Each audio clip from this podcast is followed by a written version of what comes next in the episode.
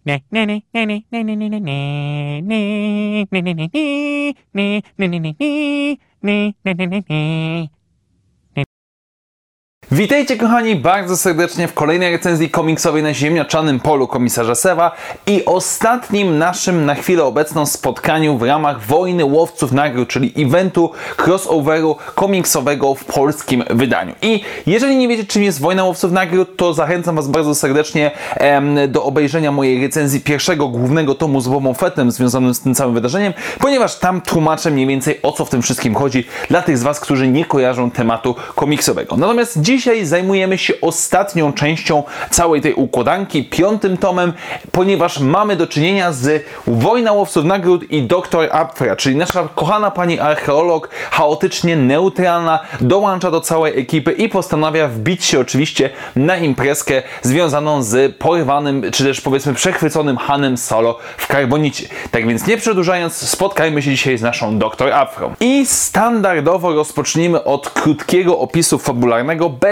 większych spoilerów, czy też praktycznie bez spoilerów, e, żeby zarysować coś tak właściwie dzieje. I oczywiście czwarty tom z poszczególnych serii komiksowych, czyli Star Wars, Darth Vader oraz Łowcy Nagród, nie, czyli w tym przypadku Dr. Afra, nie odbiega w żaden sposób od e, swoich poprzedników, ponieważ z jednej strony mamy kontynuację w pewien sposób wątki, e, wątki z głównej serii Dr. Afra, z drugiej strony mamy pewnego rodzaju miks z wydarzeniami w ramach Wojny Łowców Nagród. Oczywiście punktem wyjścia jest to, że Celi Afra oraz Sana Staros wykonują zadanie dla e, Dominy Tash, mają zlokalizować na początku tego komiksu em, jej kuzyna, który rzekomo wpadł w jakiś sposób w kłopoty i to spotkanie doprowadza do tego, że nasza dwójka e, pań zostaje wysłana na spotkanie, e, czy też powiedzmy prezentację Hanna Solo i licytację z nim związaną, żeby zdobyć jak najwięcej informacji dla Dominy Tash. Z drugiej strony mamy Jasla, Jaslakiego i Ariole, czyli jego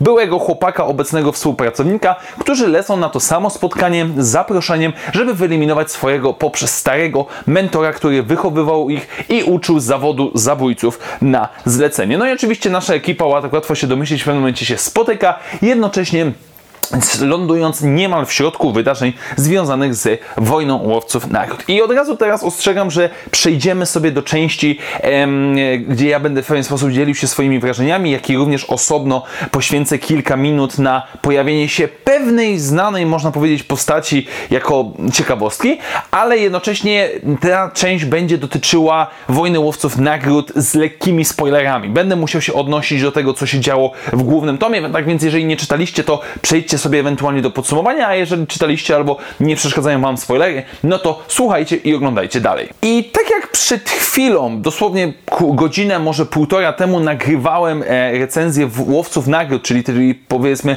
poprzedniego tomu, jak nie, ewentualnie ktoś może rozpoznać po koszulce, tam zauważałem, że ten tom, Wojna, Wojna Łowców Nagród, Łowcy Nagród, był najbardziej teoretycznie odcięty od y, wydarzenia całego eventowego, najbardziej skupiając się na losach naszych bohaterów.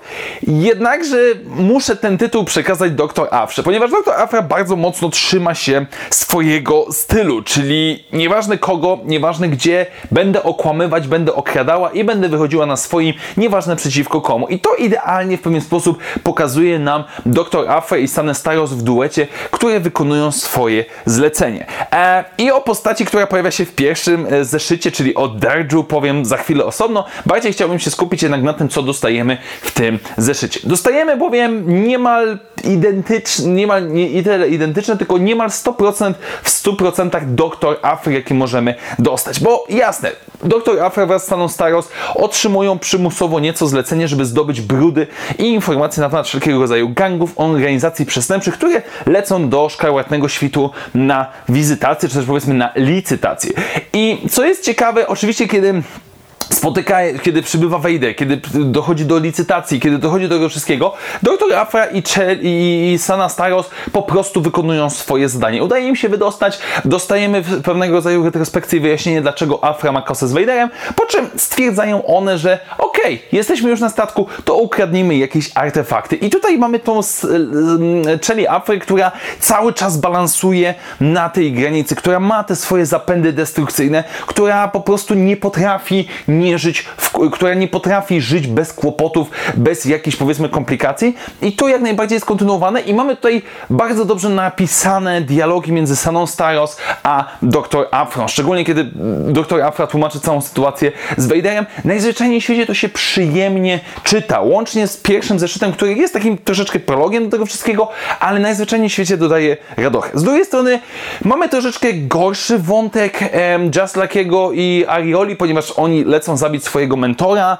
nie do końca wiedzą dlaczego on zdradził i widzimy, że tutaj dostają propozycję dołączenia do szkarłatnego świtu co jest trochę, nie powiedziałbym naciągane, bo, bo jakby może tak się zdarzyć, taka sytuacja jest jak najbardziej prawdopodobna, tylko nie czujemy za bardzo tego tekstu o rodzinie, że ja was nauczyłem tego w fachu, że jesteśmy rodziną i tak dalej, i tak dalej.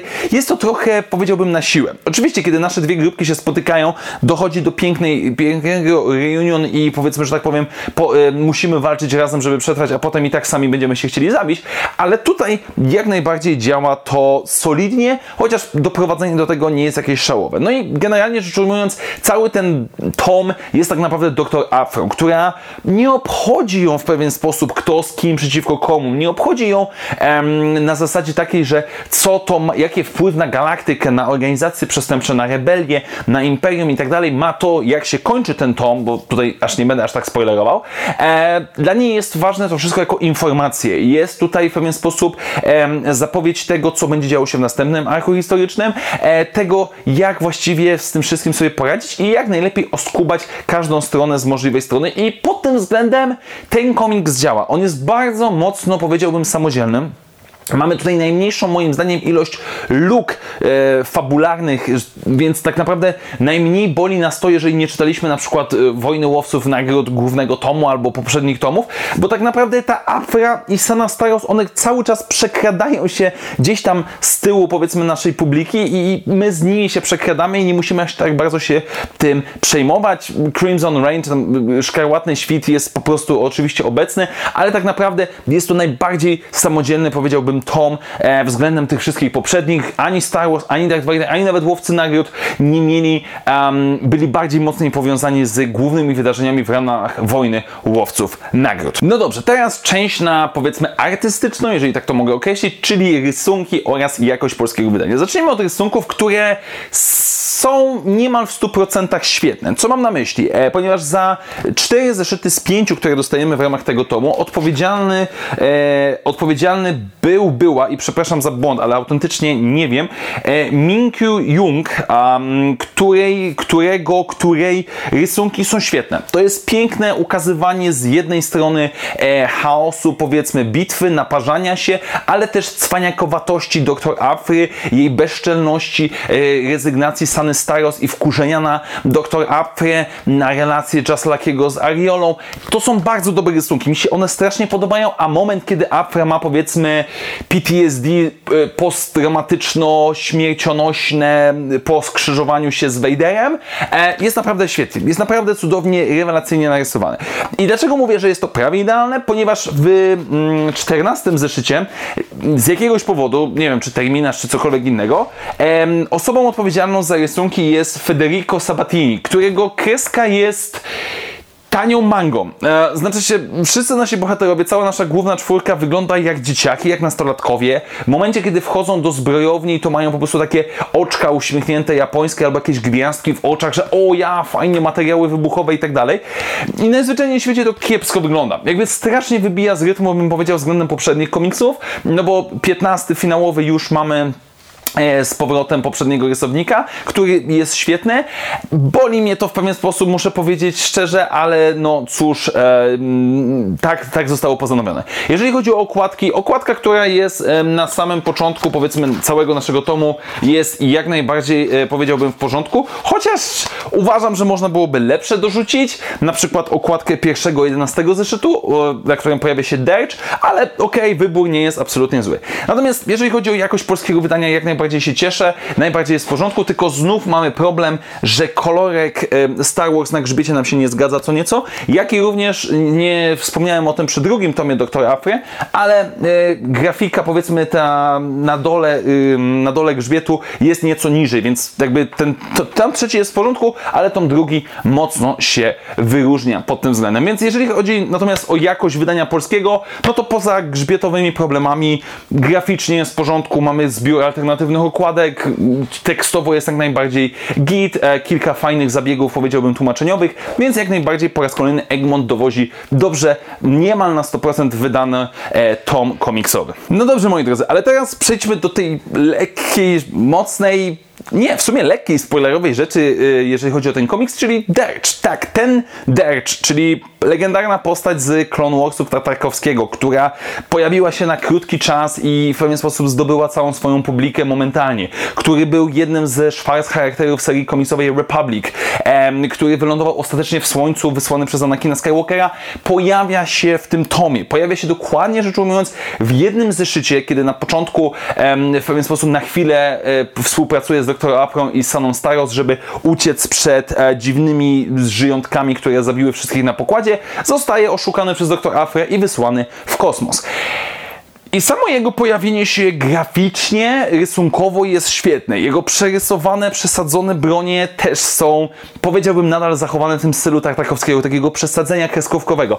Tylko problem jest taki, że jest zmarnowanym potencjałem. Znaczy się, y, mam straszny problem, bo lekko spoilerując to, co dzieje się w obecnie najnowszych zeszytach komiksowych Dr. Apre, on nie powraca. To nie jest jakiś koleś, który raz na ark historyczny powraca, żeby zemścić się na Dr. Aprze, a ona go za każdym razem wykopuje gdzieś i zamyka na jakiś czas. Nawet na tej zasadzie to nie działa. On po prostu się pojawia w tym jednym zeszycie ze starego kanonu, zostaje wystrzelony w kosmos i tyle. I nie wiem za bardzo po co, na co można byłoby spokojnie wyciągnąć jakiegoś innego przeciwnika do Afry.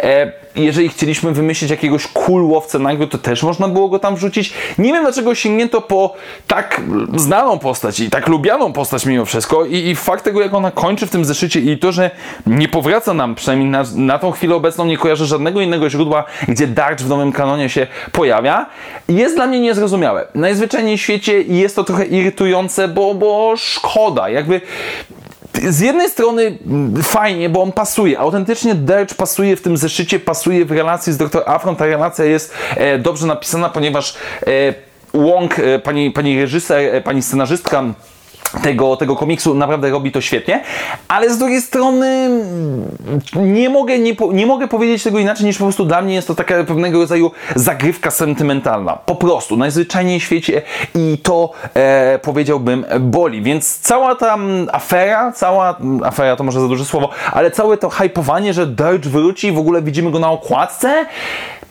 kończy się zanim tak naprawdę się nam dobrze zaczyna. I, I, to jest strasznie dziwne i zostawia takie uczucie pewnego rodzaju pustki i pytania, po co właściwie to było. No dobrze, moi drodzy, tak więc podsumujmy ostatni główny tom serii Wojna Łowców Nagród, w tym przypadku Dr. Afra.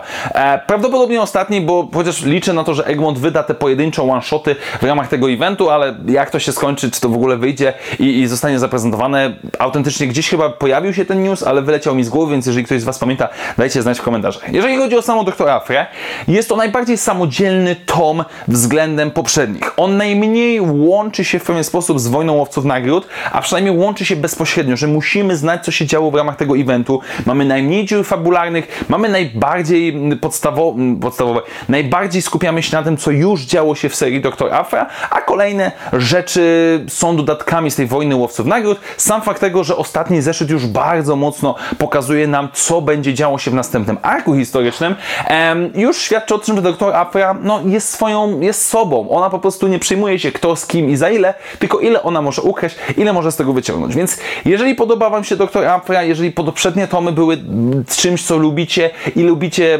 powiedzmy szalonych y, przygodowców, którzy próbują przeżyć w galaktyce, w odległej, odległej galaktyce w galaktyce, e, no to jak najbardziej doktor Afra jest dla Was. Tak więc dziękuję Wam bardzo serdecznie za dzisiejsze spotkanie. Standardowo przypominam, że jeżeli podoba Wam się to, co robię na kanale, możecie mnie wesprzeć stawiając mi wirtualną kawę, do której link znajdziecie w opisie tego materiału. Jeszcze raz wielkie dzięki, do zobaczenia w następnych materiałach i jak zawsze niech moc będzie z Wami. Na razie, cześć!